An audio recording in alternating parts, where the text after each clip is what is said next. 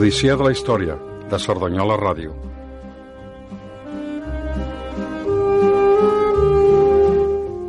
Bona nit i benvingudes un altre dilluns a l'Odissea de la Història. Ja passen uns minuts de les 8 i avui comencem uh, un nou programa amb, qui, amb el que parlarem amb el professor Àlex Sánchez Suárez de la Universitat de Barcelona sobre la Revolució Industrial i després ens acompanyarà el doctor Josep Tarraes per parlar de l'Uralita i Cerdanyola. El control tècnic avui ens acompanya el Juan Costa, jo sóc l'Ivan Garnelo i això és l'Odissa de la Història. Comencem.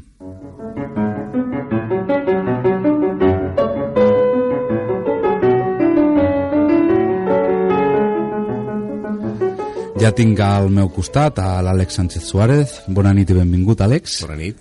L'Àlex és doctor en Història Contemporània, contemporània per la Universitat de Barcelona, eh, amb la tesi Los fabricantes d'algodón de Barcelona, 1780-1840, dirigida pel ja desaparegut professor Josep Fontana, i tesis que li va comportar el Premi Extraordinari de Doctorat.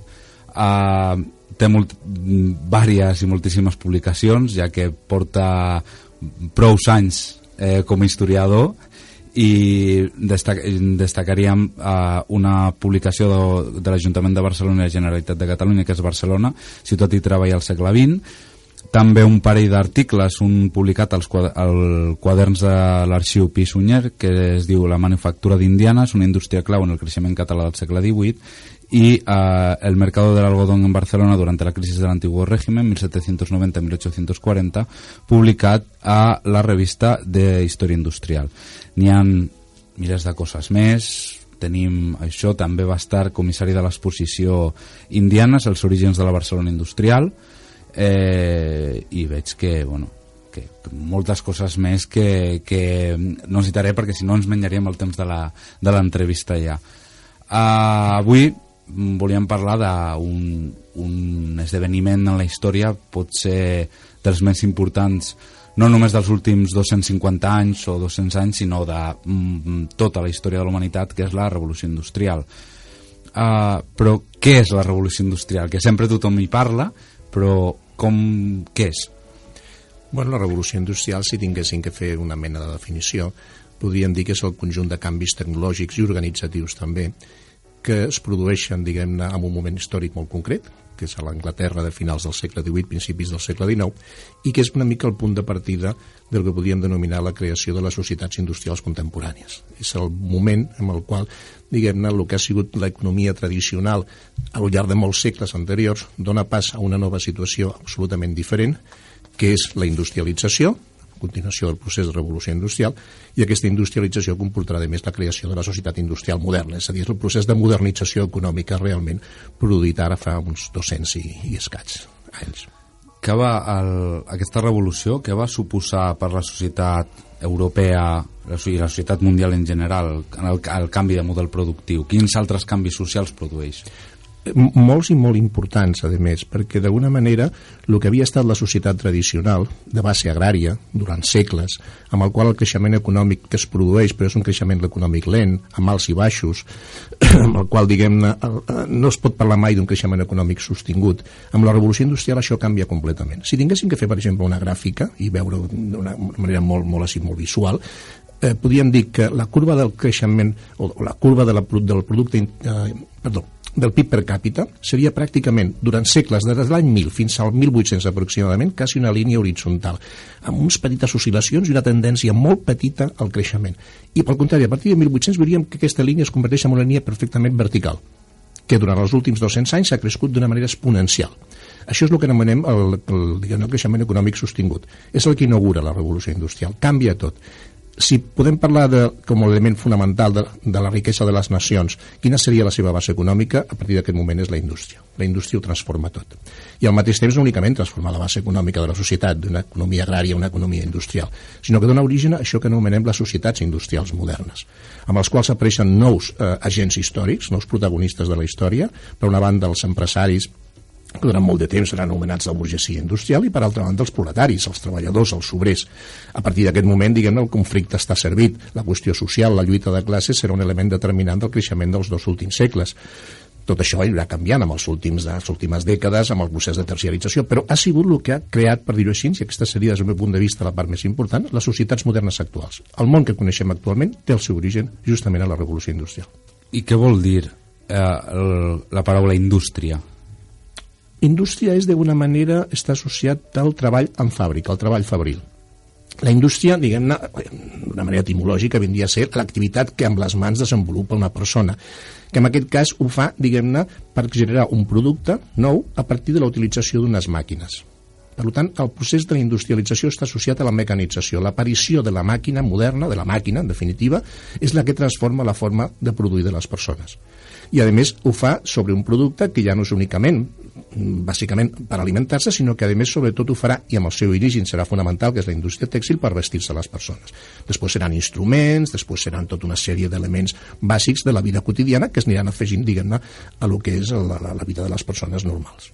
El, el capitalisme, uh -huh. que és una, cosa, una paraula mm, molt actual, eh, visquem en un sistema capitalista, eh, la revolució industrial el comença, o comença amb la revolució industrial, ve d'abans, la revolució industrial l'impulsa...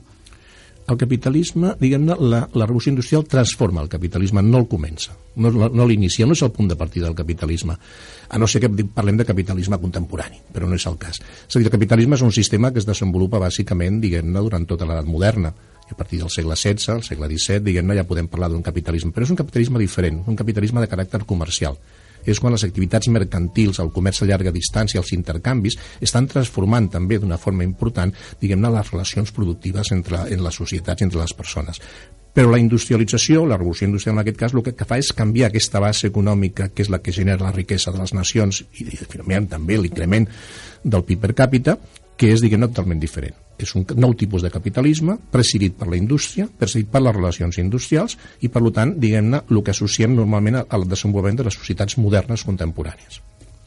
Um, quin, el, diferents ideologies que després marcaran tot el segle XX tenen molt a veure amb, amb la revolució industrial. Sense la revolució industrial no s'entendria el marxisme, l'anarquisme i altres, altres ismes que s'anirien generant uh, com per què? Per què, la, per, què el, per exemple el marxisme o l'anarquisme o fins i tot el liberalisme nece van necessitar de la revolució industrial per aparèixer i no van començar abans? Pues bàsicament perquè el que fa la revolució industrial és crear les bases materials per l'aparició de nous grups socials i aquests nous grups socials, en el seu context d'interrelacions, generen tota una sèrie d'elements de relació i conflictuals també al mateix temps, que és el que d'alguna manera, una vegada que això s'intenta racionalitzar, genera el que anomeneu pensament social.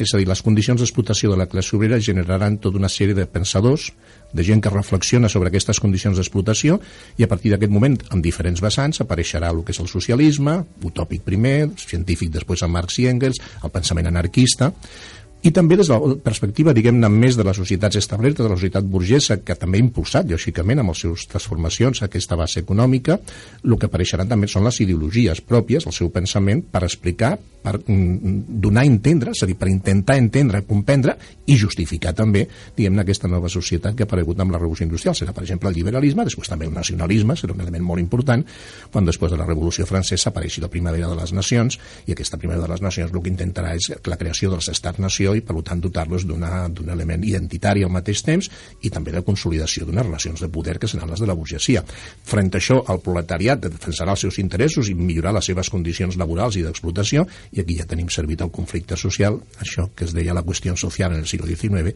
i que ha marcat profundament la societat contemporània fins als nostres dies. Uh, tornant una altra vegada ja a, la revolució industrial, deixant tot el tema de, de les ideologies amb la que, que, que impulsa, parlaves de que comença en Anglaterra eh, aquesta revolució industrial. Per què Anglaterra? Què està succeint a Anglaterra a, a finals del, del segle XVIII, principis del XIX? Anglaterra, és a dir, clar, la pregunta que sempre ens fem, i moltes vegades amb els estudiants, bàsicament de primer d'història econòmica, els hi fem la reflexió quan parlem de la revolució industrial, és per què Anglaterra? Mm? Clar, Anglaterra, aparentment, eh, hi ha altres països, podia ser França, podia ser Holanda, fonamentalment, per exemple, a l'Europa occidental o a Europa, amb el qual les condicions també poguessin ser idònies per a l'aparició de la revolució industrial. Però Anglaterra tenia altres avantatges. Tenia un conjunt d'elements que, un per un, no eren un avantatge suficient, però tots junts expliquen per què Anglaterra. És l'economia més desenvolupada en aquell moment, és una societat que ha fet la seva revolució liberal al segle XVII, per tant ha canviat les bases també de la relació de poder, ha desenvolupat el, el parlamentarisme, les monarquies parlamentàries, quan a la resta d'Europa estem encara en monarquies absolutes, i per tant a partir de ha desenvolupat ja unes primeres idees de caràcter liberal i una, un desenvolupament econòmic agrícola amb la revolució agrària del segle XVII i també amb el desenvolupament de la indústria manufacturera anterior a la industrialització mecanitzada que estan generant tota una sèrie de condicions també impulsant el creixement demogràfic, el creixement urbanístic el desenvolupament dels mercats interiors i exteriors. Anglaterra en aquell moment desenvoluparà també tot un imperi molt potent, anirà a buscar les primeres matèries bàsiques de la revolució industrial, que és el cotó, essencialment, i la indústria tèxtil amb els seus inicis, i tot aquest conjunt és el que explica per què Anglaterra a finals del 18 i principis del 19. Però això es podrà transformar en la revolució industrial quan aparegui un element que és clau en la revolució industrial, en la industrialització, que és la mecanització, l'aparició de les màquines. Això apareixerà en la indústria tèxtil, especialment en la indústria cotonera, i aquest principi de canvi tècnic tan important que representen aquestes màquines de filar, de teixir, d'estampar, serà un canvi radical que crearà les condicions també organitzatives perquè aparegui això que anomenem la fàbrica, eh? la fàbrica moderna o el sistema fabril, com vulguem. Per això Anglaterra. Volia ara, parlant d'Anglaterra, però volia traslladar-me a, a Catalunya, ja que també Catalunya està dins del conjunt de l'estat espanyol el, la principal zona eh, d'industrialització durant des de que s'implanta la primera indústria gairebé fins, fins al dia d'avui. Uh, què, va, què va suposar per la societat catalana el, el creixement industrial que es produeix amb aquesta nova era? Pues que Catalunya tingui la posició que avui ocupa, diguem-ne, dintre d'Espanya i dintre d'Europa i dintre del món. El que potser valdria la pena intentar explicar abans d'entrar de, de, de, en aquest terreny més específic, de més actualitat, seria que Catalunya, i això és el que la diferencia de la resta d'Espanya, va ser pionera amb la revolució industrial a Espanya i a Europa perquè d'alguna manera la revolució industrial a Catalunya comença també molt poc després que la britànica. És de les poques regions d'Europa que s'afegeix al carro de la revolució industrial més aviat, és a dir, en un moment més, més temprà, per dir-ho així, més, I per, més inicial. I, I per què? Pues perquè Catalunya té desenvolupat també, igual que Anglaterra, seria una petita Anglaterra, alguna, algun dels cronistes de l'època parla de, de, de Catalunya com la petita Anglaterra, ha desenvolupat durant el segle XVIII, sobretot, tota una sèrie de condicions econòmiques que han afavorit aquesta indústria, aquest, aquest principi de canvi tecnològic de la revolució industrial. Ha desenvolupat una indústria manufacturera també tradicional, indústria dispersa, artesanal, etc, potent, que ja arranca pràcticament des del segle XIII, té una tradició medieval important, que havia tingut els seus problemes al segle XVI i XVII especialment, però que després el XVIII torna a revifar, especialment després de la Guerra de Successió. Ha desenvolupat també uns mercats amb de vegades dificultats cap al mercat exterior perquè era bàsicament el mercat americà però el propi mercat regional, el mercat espanyol i el mercat colonial ha creat les bases d'una demanda suficient per a aquest tipus per un nou tipus de productes que podien crear una demanda potent ha desenvolupat una agricultura comercial i aquesta agricultura comercial ha generat dintre de Catalunya el que ha estat molt important. No és únicament acumulació de capital, per poder, evidentment, comprar i adquirir, sinó sobretot una distribució més equitativa de la renda. No hem tingut grans fortunes a Catalunya, però hem tingut, diguem-ne, la riquesa relativament ben repartida. I això és una condició essencial per generar mercat. I quan hi ha demanda, l'oferta acaba sortint. Eh? Sempre hi haurà gent amb esperit negociant que veurà oportunitat de negoci i a partir d'aquest moment doncs, d'alguna manera es crearan aquestes condicions. I això és el que va fer que a Catalunya la indústria de les indianes al segle XVIII, que és la gran innovació, la gran novetat des del punt de vista industrial, manufacturer, aparegui també a Catalunya es desenvolupi durant el segle XVIII i creï les condicions del canvi tecnològic exactament, aproximadament, dos dècades després que Anglaterra. És a dir, si les màquines a Anglaterra estan transformant la indústria als anys 60 i 70 del segle XVIII, a Catalunya ho estan fent als anys 80 i 90. 20 anys amb un procés de canvi tècnic d'aquestes dimensions és molt poc temps. I això ho compartirà amb algunes altres regions d'Europa, no gaires, i això és, diguem-ne, l'element essencial que farà que Catalunya es comenci, diguem-ne, a singularitzar dintre d'Espanya com una regió diferent, que després, evidentment, tothom sabrà i entendrà que és una regió industrial. I aquest és l'element que explica, diguem-ne, la singularitat catalana i aquesta nova indústria que s'ha desenvolupat, que s'ha expandit, que s'ha transformat, que s'ha, evidentment, modernitzat a mesura que avança el segle XIX i que avança el segle XX, pues s'ha creat les condicions de la Catalunya en la qual avui visquem i d'alguna manera d'aquesta Catalunya que sempre ha aparegut al conjunt d'Espanya com una regió rica, una regió diferent, una regió industrial amb uns conflictes socials també molt més potents Aquesta és la base, fonamentalment. És tan important com això. I dins de, de la indústria que, que es va desenvolupant al llarg del 19 a, a, aquí al Principat, quines són les indústries més fortes? Sempre la revolució industrial s'associa amb els seus inicis a la indústria tèxtil i bastant específicament a la indústria cotonera. Per tant, diguem el punt de partida serà la indústria tèxtil i la indústria cotonera, també en el cas de Catalunya.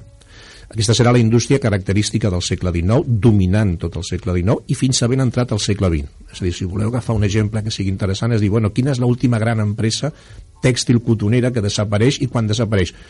Doncs l'Espanya industrial i l'Espanya industrial ha estat durant molt de temps un referent, es crea als finals dels anys 40 del segle XIX i desapareix doncs, als anys 60, 70 pràcticament del segle 60-70 amb la crisi del tèxtil del segle XX. És més que centenària aquesta empresa.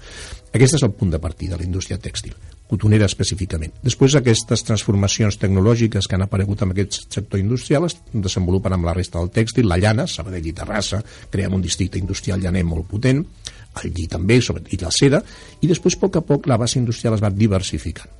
El procés de diversificació ja correspon més a finals del XIX, principis del segle XX, i aquí apareixen, diguem-ne, les indústries de béns de producció. Ja no és únicament indústries de béns de consum, sinó també de béns de producció. Catalunya tindrà una diferència respecte d'altres regions que també s'industrialitzen a Espanya, com el País Basc, on d'alguna manera és dominant la siderúrgia i la metal·lúrgica. A Catalunya la siderúrgia no té sentit perquè ens falten recursos bàsics, eh, la primera matèria essencial, el carbó i el ferro, per poder-la desenvolupar. Sí hi haurà una metal·lúrgia important, la maquinista terrestre i marítima és un clar exemple d'aquestes grans empreses del sector metal·lúrgic, i amb això també la indústria química. Hi ha que pensar una cosa, és a dir, la indústria química i la indústria metal·lúrgica són indústries que neixen depenent del tèxtil són indústries d'alguna manera subsidiàries, perquè el que fan inicialment és produir aquells productes químics que són necessaris pel blanqueig de les teles o per la transformació de les teles, àcids, etc etc, el clor i de més, i la indústria metal·lúrgica és la que proporciona les màquines que fan possible el canvi tecnològic i la industrialització. Però després aquesta indústria es va diversificant. Catalunya es va convertir, diguem-ne, en la fàbrica d'Espanya, l'afortunada expressió del doctor Jordi Nadal, eh, durant tot aquest període històric llarg, i fins avui en dia. Avui en dia continua concentrant la part més important de la indústria espanyola, a passar de que tothom pugui parlar de desindustrialització, etc. La indústria, de, per exemple, agroalimentària serà molt important, la indústria de l'alimentació a Catalunya, però també la, la, la indústria, diguem editorial, tot el, totes les indústries, per dir-ho així, estaran arrelades a Catalunya i Catalunya serà en totes elles, sense discussió, la principal regió industrial d'Espanya en tots els sectors, pràcticament fins avui. Jo quan, quan començava amb els temes d'història a l'institut, que parlen de revolució industrial, sempre n'hi havia el tema del carbó, la primera matèria per fer, per fer tirar la indústria endavant. Després ja vindran el petroli, etc etc, però al principi era el carbó i és, voldria que ens expliqués una mica tota aquesta contradicció que Espanya, sent un estat on existeixen importants mines de carbó, com és el nord, la zona de la província de, de Lleó, la zona de, del nord, la zona d'Astúries, la zona d'algunes zones de Galícia també, eh, ens explicaven que, que la indústria catalana comprava el carbó a Anglaterra i li sortia més rentable portar el carbó en vaixell fent tota la volta a la península que no que el portessin des de, per exemple, Astúries. Sí. Per què? què, què per què succeeix això? Bueno, abans d'entrar en aquesta qüestió, m'agradaria també dir una cosa, és a dir, si parlem de les, dels fonaments de la industrialització catalana, clar, hi ha diversos models de, de regions industrials. La catalana, per exemple, no és com la britànica, o com la belga, per exemple, o del nord de França, que recolza sobre bàsicament la disponibilitat de recursos naturals estratègics, el carbó i el ferro principalment en aquesta primera etapa. Clar, a Catalunya no hi ha ni carbó ni ferro, el carbó de la Sant Joan de les Abadesses, Calaf i alguna coseta més és pràcticament d'una pobresa energètica notable i, i escàs, i car també d'explotar-lo. I de ferro no en tenim, eh, per dir-ho així.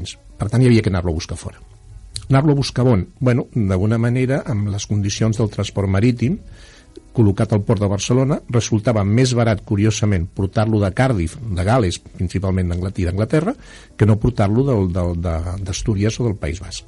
El País Basc és lògic, perquè també s'estan industrialitzant ja l'últim quart del segle XIX i requereixen d'aquest carbó i d'alguna manera doncs, no tenen cap interès. Però el carbó asturià, per exemple, o d'algunes petites conques, bueno, bàsicament l'asturià sí també es col·locava al port de Barcelona, però resultava més car. I era per un problema, diguem-ne, de fletes de transport la relació comercial amb, el nord, amb Anglaterra era molt més potent des de Catalunya que no amb Astúries i per tant això feia que diguem-ne el transport eh, amb les comandes pertinents i economies d'escala doncs fos més atractiu pels, pels empresaris catalans comprar-lo allà i això ho faran, és a dir, sempre l'empresari buscarà els seus recursos diguem-ne amb les millors condicions possibles de qualitat i preu i això és el que buscaven un carbó de molt alta qualitat a un preu que, sent el mateix probablement que l'Asturià, resultava per la seva qualitat més competitiu. Perquè el, un altre dubte és, mm, parlem de que és Catalunya, el focus, hi ha unes condicions, però per què en el moment que a Catalunya es desenvolupa la indústria, la indústria ja és forta, per què això no suposa una punta de llança per anar desenvolupant la indústria en altres regions de, de, de l'estat espanyol?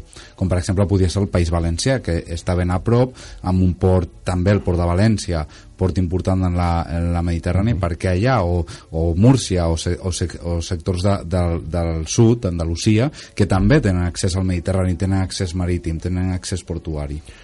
Això té molt que veure, sobretot, diguem-ne, amb, la, amb, amb, la, amb la perspectiva històrica de com s'ha anat formant la industrialització i el que això representa de cara a l'exterior i al mateix temps també, diguem-ne, el desenvolupament de les habilitats pròpies que aquesta història comporta, és a dir, la dependència de la trajectòria.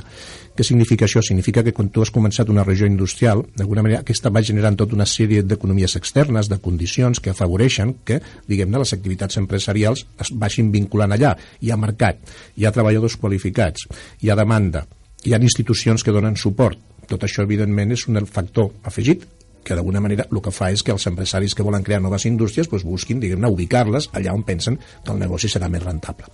Per tant, crea un efecte crida i al mateix temps aquest efecte crida dissuadeix moltes vegades de desenvolupar aquestes indústries en altres llocs on no hi ha aquestes condicions i per tant tot ha de començar de nou, tot és més difícil, tot és més costós i per tant normalment els productes surten més cars i és difícil vendre'ls i per tant les dificultats de, de continuïtat d'aquestes empreses són més grans. Al mateix temps també hi ha un altre factor que influeix, que és que quan tu tens una indústria desenvolupada, això que explicaré ara a Catalunya i a Espanya ens passava respecte d'Inglaterra, la resta d'Espanya li passa respecte de Catalunya, que és que clar, que tu tens un producte competitiu amb un bon preu, amb bona qualitat i per tant, diguem, no, el pots col·locar al mercat interior espanyol amb unes condicions avantatjoses. Què passarà amb les altres indústries que es creïn en altres llocs? Que no podran competir amb això. És a dir, fa un efecte diguem-ne, amb el qual dissuadeix de la possibilitat de competir amb igualtat de condicions. Això és el que s'ha recriminat moltes vegades a Catalunya des de la resta d'Espanya, que és que la indústria catalana vassallava el conjunt de les regions espanyoles, les feia feudatàries, per dir-ho així, dependents de Catalunya, i això havia impedit el seu desenvolupament. I al contrari, és a dir, també feia que justament una bona part de mà d'obra important vingués cap a Catalunya com a mà d'obra immigrada per treballar la indústria que estava aquí, perquè en els seus territoris no se creava aquesta indústria.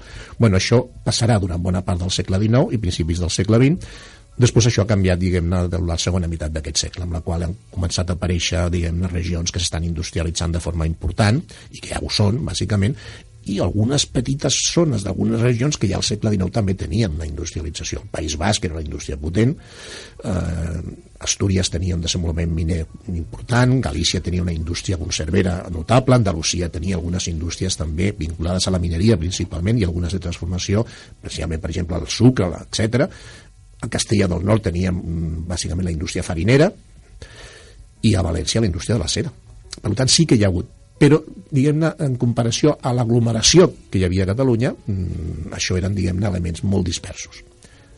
Una, una altra pregunta, perquè eh, el, la, el, estàvem parlant això d'Espanya, Espanya ha estat un estat molt aristocràtic, on en certs sectors, en certes zones, eh, aquests poders aristocràtics, rentistes, etc etc, moltes vegades han també posat el fre, a part, a part, a part d'altres factors, ells també han estat un factor en posar fre al desenvolupament econòmic, ja sigui industrial, agrícola, etc etc. I en canvi, per exemple, en el cas d'Anglaterra, que esmentaves la, la revolució anglesa de, del segle XVII, on aquesta gentry, no? que seria una mica el concepte perquè la gent que ens escolta seria una mena de burguesia o de, o de poder de burguesia mercantil de l'època, intent, són la punta llança aquesta revolució, però amb el temps serà l'aristocràcia britànica la que també esdevindrà burguesia. O sigui, com una mena de, de burguesia i aristocràcia van unides, cosa que en, en Espanya no succeirà gairebé mai, a excepció de certs casos. Per què? Quina diferència n'hi ha o eh, n'hi ha alguna mena d'explicació perquè Anglaterra tingui, o almenys des, dels poder, des del poder aristocràtic, s'acabi veient amb, eh, amb bons ulls eh, aquest nou model, canvi econòmic i en canvi en el cas espanyol, com per exemple pot ser el sud de l'Estat, a Andalusia, Extremadura, Castella-La Manxa, on tenim el concepte aquest de los famosos señoritos que diuen que mantenen aquesta eh, situació de rentistes, evitar aquest desenvolupament econòmic, ja sigui amb una indústria agrària una in o, o altres tipus d'indústries.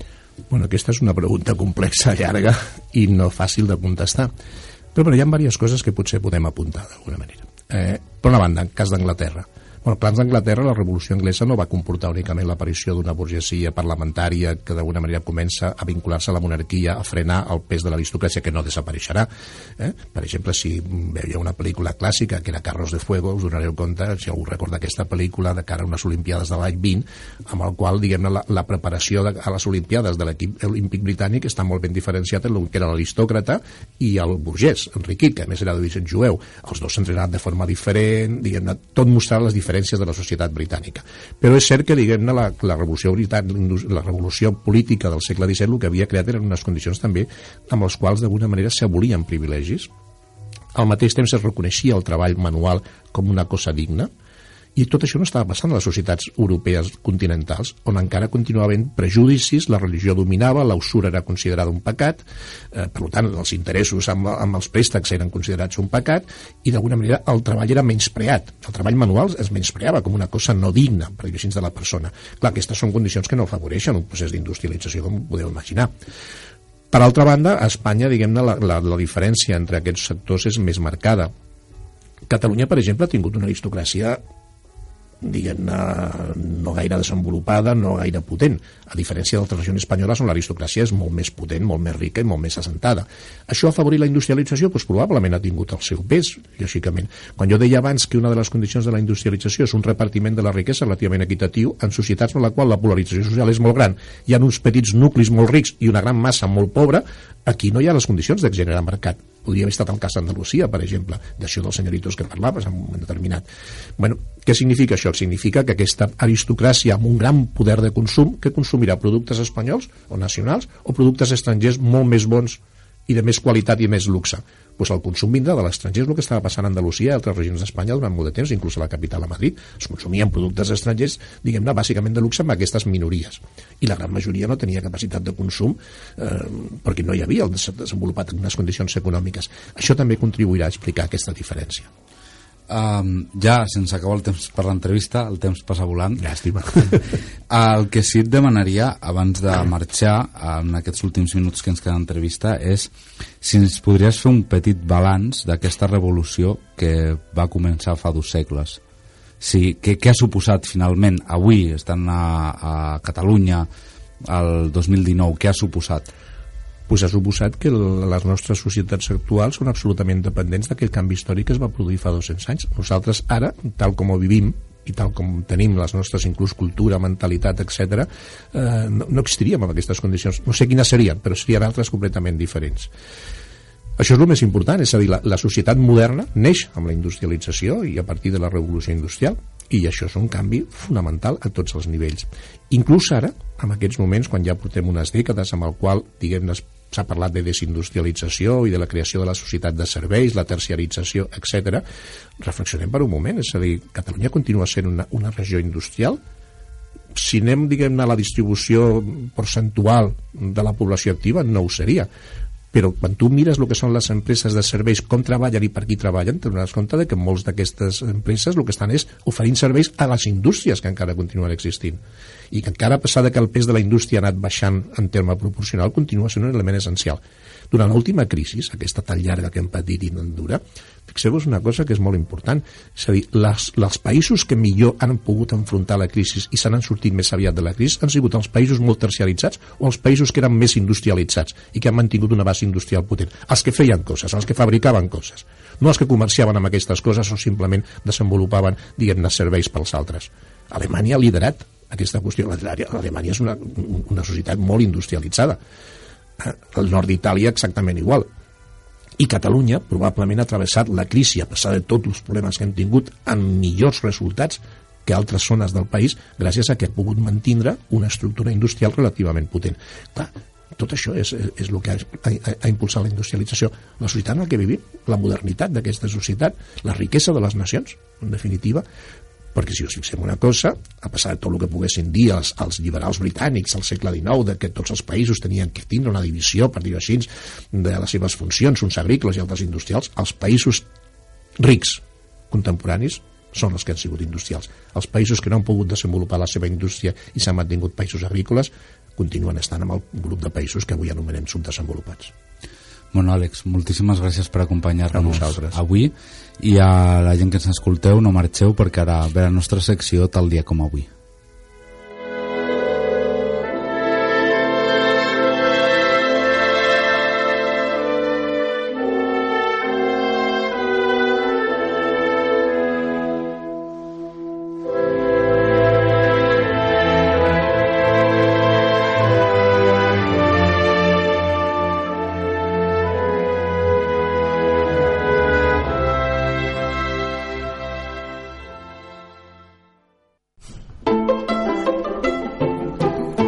Dia com avui.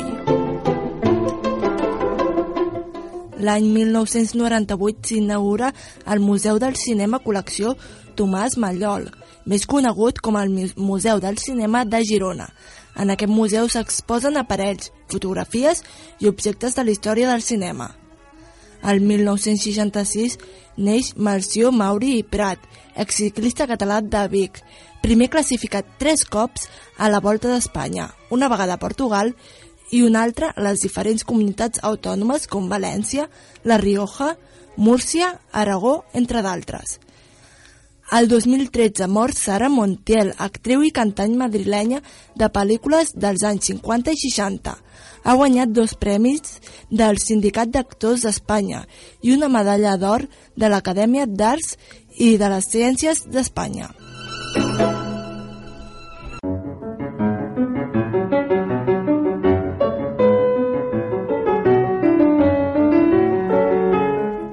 Benvingudes de nou, ja tinc ara al meu costat el doctor Josep Tarrés. Bona nit, benvingut.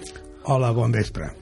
Uh, Josep Tarrés i Olivella, tothom el coneixerà a Cerdanyola, ha, ha estat neumòleg i metge de família, metge de família durant molts anys a la nostra ciutat. 45 anys. Uh, des de l'1 de març és doctor en història, perdó, doctor en medicina, doctor, eh, doctor en història era el, el convidat d'abans, uh, el que té està en un programa d'història que a vegades tenim els lapsos aquests.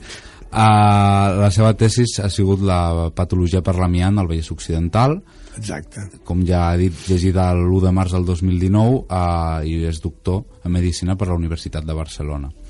Uh, és especialista, en la, per tant, en la patologia per l'amiant i, i bueno, crec crec, bueno, metge emèrit de l'Institut Català de la Salut. Sí, actualment estic a l'ICS fent de, de mèrit per prosseguir els estudis sobre la patologia per amiant aquí, a la nostra ciutat.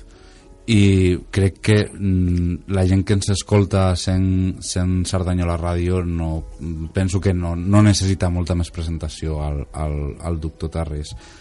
Uh, avui està aquí per parlar una mica de, de la fàbrica Uralita, el que ha suposat per aquesta ciutat, uh, tot el tema de l'asbestosi i totes aquestes les malalties per, que, que, que han portat a l'amiant i la primera pregunta és en quin any es crea la fàbrica de l'Uralita? Uralita s'instaura a Cerdanyola per, per els germans Roviralta, que són els, que, els propietaris que la fan, la inauguren a l'any 1907 i va estar oberta fins l'any 1997, és a dir, va estar activa durant 90 anys. Què representa la fàbrica d'Uralita Cerdanyola? Va ser un, i, i, socialment va ser l'element transformador passar d'una població rural i de població d'estiueig a una població industrial. En aquell moment l'amiant la, era una fibra industrial meravellosa que, era, que donava riquesa i solucionava molts problemes. Amb el temps, aquesta fibra industrial ha passat a ser un cancerigen i tota aquella riquesa i aquella transformació que va fer a la ciutat es va convertir després en, una, en un problema de, de, de greus malalties. Llavors, bueno, ara recordem que fa unes setmanes a la Cruïlla dels Quatre Cantons, on està la, la carretera de, de Barcelona, eh, es, o s'inaugurava un monument per les afectades per la, per a malaltia, bueno, totes les malalties relacionades ja estan, estan relacionades amb, amb sí. l'amiant i, amb, i, per, i amb la fàbrica Uralita i bueno, per una mica la, la, seguir una mica amb la presència d'aquesta fàbrica per la població de Cerdanyola sí. què és el que realment ha, ha acabat suposant? Dir, primer va ser un element que va ser transformador ella i la fàbrica d'Escondel eren els motors de la transformació social del poble. Després s'ha convertit pues, en, una, en, un, en un procés que socialment ha tingut les seves eh, altibaixos, els seus moviments, i al final s'ha acabat, acabat sent un problema sanitari primer havia estat un problema sanitari laboral, primer només amb malaltia en treballadors, però molt aviat es va començar a veure que el tema, sense deixar de ser un problema de, de, de malalties laborals, es va convertir en un problema de salut pública i ambiental. Això que feia esment d'aquest monument, ara fa, un, fa uns dies que es va inaugurar la Cruïlla, als quatre cantons, feia referència als, als, als, als morts per culpa de, de, de directament per fabricat. Llavors, jo, aquest número jo puc quantificar quants en tinc de registrats. N'hi ha hagut més, però que jo, jo pugui demostrar i pugui certificar exactament que han sigut, eh, aquest, a, a dia d'avui eren 353. Fa uns anys, fa uns anys, l'any 2008, també vam parar, vam feia també un, un primer homenatge a les víctimes que hi havia llavors i vam, vam editar un llibre que es deia Amiant 100 anys que eh, l'instigador va ser el Salvador Manyosa llavors i vaig ser el coordinador d'aquest llibre que es va poder publicar gràcies a la a l'empenta del, del Rotary Club i el va editar Edicions Montflorit. En aquell moment teníem 168 eh, casos de, Eh, de morts per culpa de l'empresa. Actualment, eh, ja dic, n'hi ha molts més, però poder demostrar i, i poder-los eh, demostrar sense dubtes són 353. Clar, perquè el, és a partir dels anys 70 que es comença a detectar aquesta malaltia eh, i quan comencem a veure, però parlem de que la fàbrica porta funcionant des de 1907 mm, porta fent eh, que el nom comercial de la fàbrica li ha donat nom a el, el, el producte, que és l'Uralita, com ha passat amb altres productes, en aquest cas és un, és un d'ells. L'Uralita es porta fabricant des de 1907. Llavors, mm, potser no, trobem, no tenim encara registres de gent que entre 1907 i 1970 hagi mort per, per, la, per les best. Ni tenim ni tindrem. Aquests casos estan a la cuneta de la història. O sigui, s'han perdut, no els tenim. el, i, i, i, i hi ha forces. Eh? El primer cas laboral diagnosticat aquí a Cerdanyola va ser el Joan Frisac, va ser, el, i va ser l'any 1970. El primer eh, malalt de mesotelioma ambiental, diagnosticat aquí, va ser l'any 1978, va ser l'Andreu Gené, que aquest és un cas molt peculiar, val la pena que hi dediquem un instant, sí, sí. perquè va venir diagnosticat de mesotelioma des d'Austràlia aquest, aquest xicot, quan va, després del servei militar, va emigrar a Austràlia. I a Austràlia li van detectar el mesotelioma. I va venir a Cerdanyola amb la, amb la malaltia posada i diagnosticada, i llavors eh, era perquè havia, havia, havia sigut vivia a menys de 50 metres de la porta de la fàbrica. Aquest va ser el, és el primer cas de, de, de mesotelioma eh, per, per veïnatge, per ambiental. Això estem parlant de l'any 70, any 78. Se sabia la malaltia? Mira, el 1946 ja, ja era l'asbestosis, ja estava catalogada com a malaltia professional pel catàleg de malalties professionals de l'estat espanyol. Ja, el, el 46 ja, ja, ja estava. O sigui, que se sabia, se sabien coses, sí, sí. Havia, ha comentat el, el mesotelioma i m'agradaria que, que no sempre podem comptar amb un metge en un programa d'història com aquest, què és el mesotelioma? Per la gent que ens escolta, que, que tingui clar de, de sí. què parlem. Per fer-ho molt sintètic, i és veritat, s'ha d'explicar, les malalties provocades per l'amiant tenen dos grans grups. Un serien les malalties no cancerígenes provocades per l'amiant, que serien inflamatòries fibrosants, que seria les plaques pleurals i les bestosis com a principals representants i després ha l'altre vessant que l'amiant, a part de provocar inflamació i fibrosis, és un cancerigen. És, és un cancerigen de primer nivell, acceptat ja i reconegut per l'OMS des del 1977, o sigui, fixa't, i l'amiant es va prohibir a, a l'estat espanyol el 2002, o sigui, al 77 l'OMS ja el va reconèixer com un cancerigen del grup UA, que vol dir el màxim nivell. Bé, doncs l'amiant és responsable de processos cancerígens. Del, el 100% dels mesoteliomes, que el mesotelioma és una paraula molt estranya per la gent que no hi està ficada en aquest món, inclús pels metges que no estan en un entorn com el nostre, que és un càncer específic de la pleura, la pleura és la funda del pulmó, i que només es dona quan hi ha hagut exposició a l'amiant. És un càncer específic, no coneix un altre agent etiològic, un altre agent causal que no sigui la inhalació de fibres d'amiant. A part d'això, com a efecte cancerigen, l'amiant també provoca, per un cantó hem dit, el 100% dels mesoteliomes i entre un, 20, un 8 un 15% dels càncers de pulmó, amb o sense tabac. El, Ah, perdó, algun de, algun de laringe, també n'hi ha, també està reconegut. Um, com, ara entrem una mica més concretament en les, les, el mesotelioma, a la fibrosis, etc etc. Com, com, com, com afecta la gent? La gent que, que arriba, que, símptomes, simptomatologia, etc etc. Com, com els pacients que arriben, no? la gent afectada, quin, quin, com els afecta? Sí.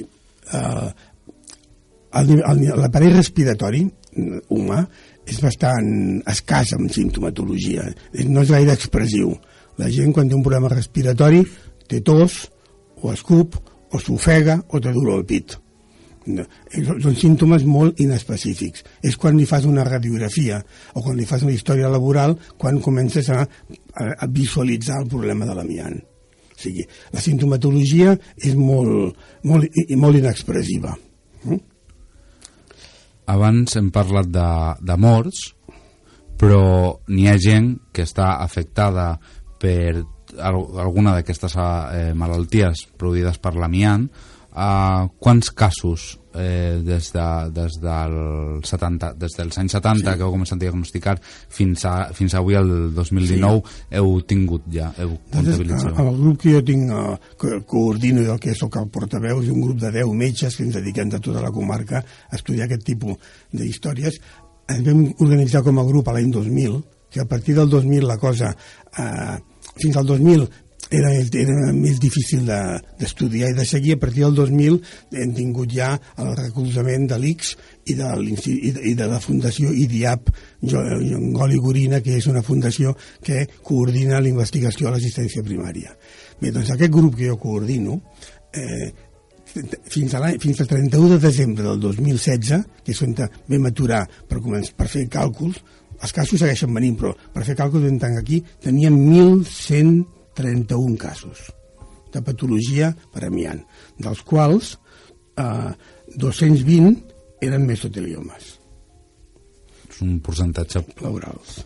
percentatge alt de, de, de càncers. Uh, el, mm, parlaven, ara no ho tinc concret, per, eh, però estava el tema de, de fins al 2020 continuen diagnosticant-se casos. No, i més, perquè una, una de les característiques bàsiques de tot aquest tipus de malalties per l'amiant és el llarg període de latència, que vol dir, des de que arriba l'agent causal fins que es manifesta la causa de la malaltia passa molt de temps. En el cas de, la, de les patologies per amiant, el, el, el període de latència mínim està en 10 anys, i en el cas dels mesoteliomes el primer són 40 anys, des de, que des de que tens el contagi fins que et surt la malaltia. I llavors, si tenim en compte que va tancar a l'any 97, posa-li 40 anys més, fins al 2030, 2030 i pico, tindrem casos de mesotelioma d'aquella època. Llavors, hi ha un, uns estudis que estan fets eh, a, a, a Inglaterra fa molts anys que ja de- demostraven que, la, que parlaven de l'epidèmia europea de mesoteliomes que realment s'estan reproduint perfectament. La- L'epidèmia està pujant. Estem encara en fase ascendent de casos. No, encara no hem arribat a la meseta per arribar a la planícia per començar a baixar. Dir, que en els propers, en els propers anys continuarem trobant Seguim casos de la gent que va respirar llavors. O sigui, el que, el que té dins de l'amiant que va respirar amb els anys 70, els anys 80, el període de latència de 40 o 50 anys farà que li surti la malaltia al 2020-2025. I a tot aquest, a tots aquells jocs que han estat amb, amb, amb tejats amb uralita o tot Clar. això, uh, que sabem que quan es trenca una uralita uh, la fibra surt eh, i pot, es pot arribar a respirar això, a, l'efecte d'això, a l'efecte, que, perquè és una cosa que continua avui en molts jocs, aquí a Cerdanyola tenim Uralita mm, per moltíssims jocs i encara no s'ha tret i es continua traient i, i es trenca i n'hi ha eh, nens, eh, gent jove, gent gran, gent de mitjana edat exposada a això. Quin pot ser l'efecte d'això? Però no a Cerdanyola només, no, no, no siguem tan exclusius. El problema de l'amiant avui en dia és un problema estatal greu. Està, ja, ves per on vulguis, trobaràs amiant quilòmetres i quilòmetres quadrats de taulades d'amiant. O sigui, ahir fa unes, menys d'una setmana a Pamplona, que Navarra ha fet el primer programa en tot l'estat espanyol en sèrio per desamientar, que és la paraula clau de aquesta història, és el desamientatge, parla que a només a Nav- a Navarra tenen algo així com 6 milions de metres quadrats de taulades d'amiant. O sigui, saps? Aquí no, no sé, perquè aquí, no- aquí ningú mira. Encara no s'ha mirat aquí. Però a, a, a Navarra, que s'ha mirat ara fa pocs dies, ha aquest, aquest, aquest, aquest, aquesta superfície. Llavors, clar, què passa? Que el que parlàvem ara dels mesoteliomes i de, de malalties per culpa de, de l'amiant, que seguirà pujant, és en, tenint en compte l'amiant que va venir, a l'importat, i el que es va utilitzar. Però és que, si no fem res, a l'amiant instal·lat pot arribar a provocar una segona onada de mesoteliomes. I aquest és un gran perill que últimament eh, és una de les meves tasques principals cridar, apo- apostar, recordar, crear consciència de que si no es desamianta el país hi ha un seriós perill d'una segona onada de mesoteliomes. el tema el, de, de totes aquestes malalties una de les altres preguntes que, que, jo, teni, que jo tinc al cap és si n'hi ha algun tipus de, de tractament que pugui eh, arribar a curar-la o aliviar-la o... No. No. El que es pot eh, demanar és que si un cop l'amiant està dins, està, provoca els seus efectes, el que pots tenir és que no es compliqui la cosa. Pots aturar-ho. Pots aturar especialment eh, tothom hauria de deixar de fumar. Això és una cosa que avui en dia és, inexplicable és inex inexplicable que la gent segueixi fumant. Però el que ja seria, ja no inexplicable, sinó inaudit, és que una persona que té problemes de, de patologia per amient segueixi fumant. Ha de deixar de fumar, ha de canviar de lloc de treball, si el lloc de treball és, és un ambient brut i, i, i, i tòxic, i llavors s'ha de vacunar del grip, s'ha de vacunar de la pneumònia quan li toqui, o sigui, mesures de lo que en diu de prevenció, de prevenció eh, secundària i terciària. La prevenció primària és que no entri l'agent causal, o sigui, és amiant zero. És la campanya eh, que l'amiant, aquest cancerigen que tenim a l'ambient i que realment és eliminable, com el tabac, eh, haurien de desaparèixer. O sigui, és un cancerigen evitable. Per tant, eh, s'ha d'evitar. Ara, diguem, un cop la tens la malaltia, curar-la, no? I el mesotelioma té l'agravant, que és un, càncer, un càncer que un cop es desenvolupa, pot trigar 40, 50. Tinc un cas que va trigar 90 anys en sortir-li, aquí a Cerdanyola. Un cop et surt, és molt agressiu, és imparable, no respon a tractaments, molt malament, respon a cirurgia, no respon a cirurgia, no respon a quimio, no respon a ràdio, i l'evolució de promig està en una supervivència d'11 mesos. Que també s'ha de matisar que això dels, dels promitjos no serveixen per una persona en concret. Estadísticament és molt fàcil, 11 mesos. Hi ha persona que ha durat 3 i alguna dura 4 o 5 anys, cuidado, eh? Ara, el promig està en 11 mesos. Uh, ara, tornant, ja hem posat això, la, la, els punts sobre totes les malalties, però uh, vostè va ser un, un dels primers metges en, en començar a detectar aquesta malaltia. Aquest procés, als anys 73, la dictadura encara estava instaurada uh, a l'Estat, uh, n'hi havia moltes coses, molt, molta limitació de, de, de recursos, mm, com, com va ser com va ser començar amb una malaltia de la qual no reconeixia, no sabia gairebé res, mm, poques s'havien eh, diagnosticat? I m'hi vaig trobar, m'hi vaig trobar. Jo vaig venir a Cerdanyola, jo vaig, vaig néixer a Sants, a Barcelona, a l'acabar la carrera al Col·legi de Metges, al tabló d'anuncis, hace falta médico de urgencias en el Ayuntamiento de Cerdanyola. Vaig tenir que mirar amb el mapa de Catalunya on estava això de Cerdanyola, que jo anava amb Bessa i amb Va, eh? I, la, i la Enya, i dic, home, mira, està a prop ja, vaig, vaig a provar-ho com una feina. I vaig venir, i llavors, mentre, mentre feia aquesta feina, vaig fer eh, les, en, oposicions per entrar de, de metge resident a l'Hospital de Sant Pau de Neumologia. Jo es compaginava, eh, feia la residència de Neumologia a Sant Pau i a les nits i festius venia aquí a Cerdanyola a fer de metge d'urgències. I m'hi vaig anar trobant, m'hi vaig anar trobant uns casos que, per la doble condició, de metge de família i de pneumòleg, vaig anar eh, apuntant, llavors amb la, junt amb la meva esposa apuntàvem amb una llibreta els casos que ens semblaven que malalties rares que no, no queden gaire catalogades i així, així va començar l'origen. Els, els primers va, va ser d'Urillo perquè vam topar en la incomprensió de tothom. De tothom. Quan dic tothom dic de, mateix, de, de, de, de treballadors de l'empresa de l'Ajuntament de veïns que deien que, que jo estava creant un alarmisme social que estava provocant un, un descrèdit de Cerdanyola i no, res més lluny. Jo l'únic que feia era estudiar una patologia que era evident i que algú l'havia de recollir. Aquí, jo amb això vull fer un incís, i si vols ja amb això podem anar acabant-ho. No, no, encara, no? encara, sí, encara no, ens, vale. ens queda temps i algunes preguntes ah, doncs encara. Mira, hi ha una cosa que és molt... Jo eh, durant aquests anys he anat donant-li moltes voltes al tema. Eh, l'estat espanyol no tenia mines. L'amiant és un mineral, això hi ha molta gent que no ho sap, eh? És un mineral. Eh? Llavors no, no, hi havia mines. Llavors tot l'amiant que mm, es va utilitzar a l'estat espanyol era importat. Com que va ser importat va passar per les aduanes. I això va permetre quantificar la quantitat dels quilos d'amiant que van entrar a l'estat espanyol.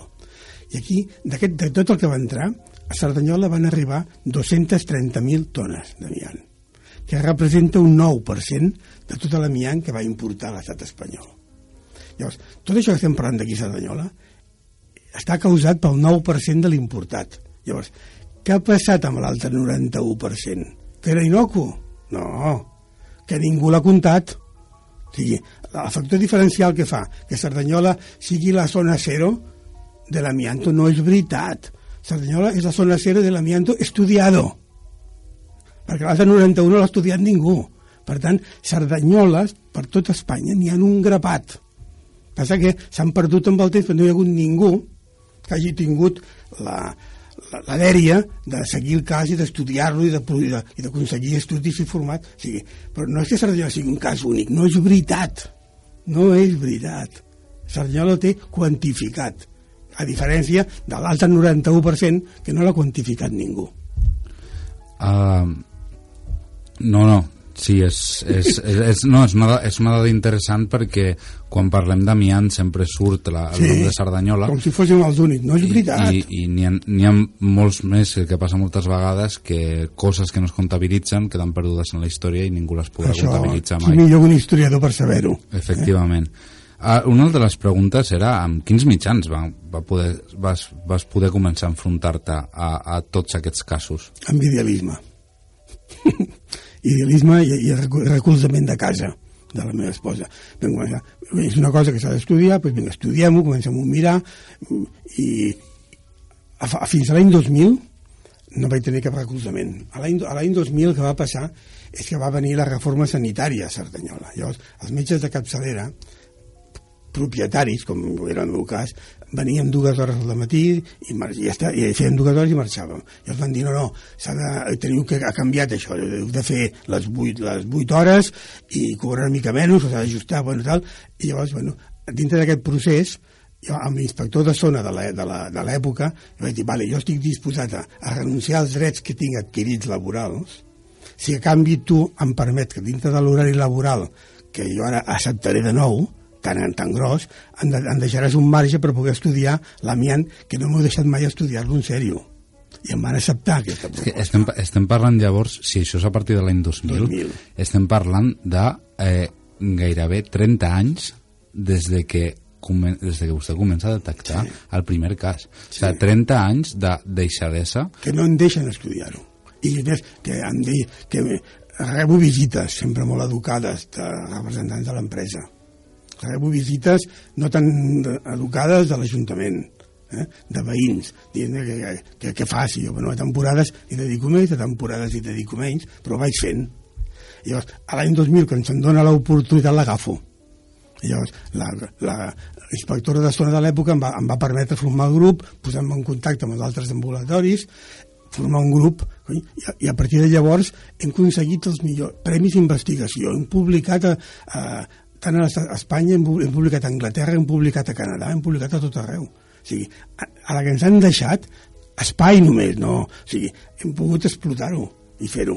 Com, com va començar? Pues així, per una, perquè jo tenia la fixació de que això era una realitat que s'havia d'estudiar.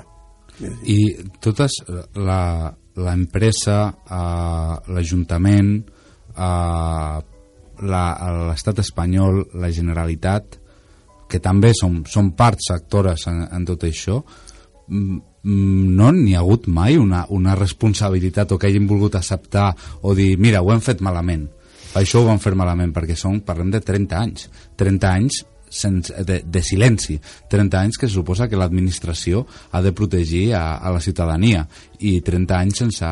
I, i més, i sigues. No, pares al 2000 perquè, perquè em van deixar fer això de mi, però el govern segueix, segueix igual. L'estat espanyol és una vergonya com té el tema de l'amiant. O sigui, és una vergonya. O sigui, altres països del voltant, Itàlia, França, no, no, no parlem de Dinamarca ni de Suècia, parlem de països mediterranis, fa més de 35 anys que ens porten avantatge amb el tema del desamiantatge, amb el tema del cens, amb el tema del reconeixement dels malalts. Aquí estem a les beceroles, a dia d'avui, el 2019, el, el, dos- estem a les beceroles, no és que... No, no, seguim, no, no, no, no tenim, no tenim ni, ni, ni, a fons de compensació, no tenim cens, no tenim un, un, un cens de, de mesoteliomes, no, no el tenim, no tenim un cens de res, o sigui, a nivell global, eh? o sigui, és un desastre. Uh, M'agradaria poder continuar l'entrevista, però el, els, temps, els tempos de, de la ràdio són curts Ho entenc, ho ah, entenc. i ens quedem ja sense temps. Uh, doctor Tarrés, li agraeixo molt la, la seva visita, les seves paraules.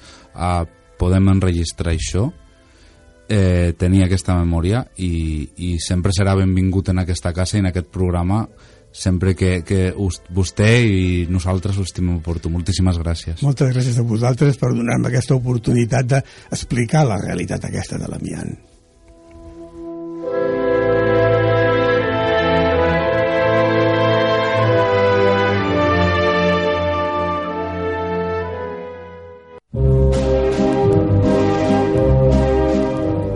Gràcies per escoltar-nos i ens tornareu a trobar el proper dilluns a partir de les 8 hores al 105.3 de la freqüència modulada.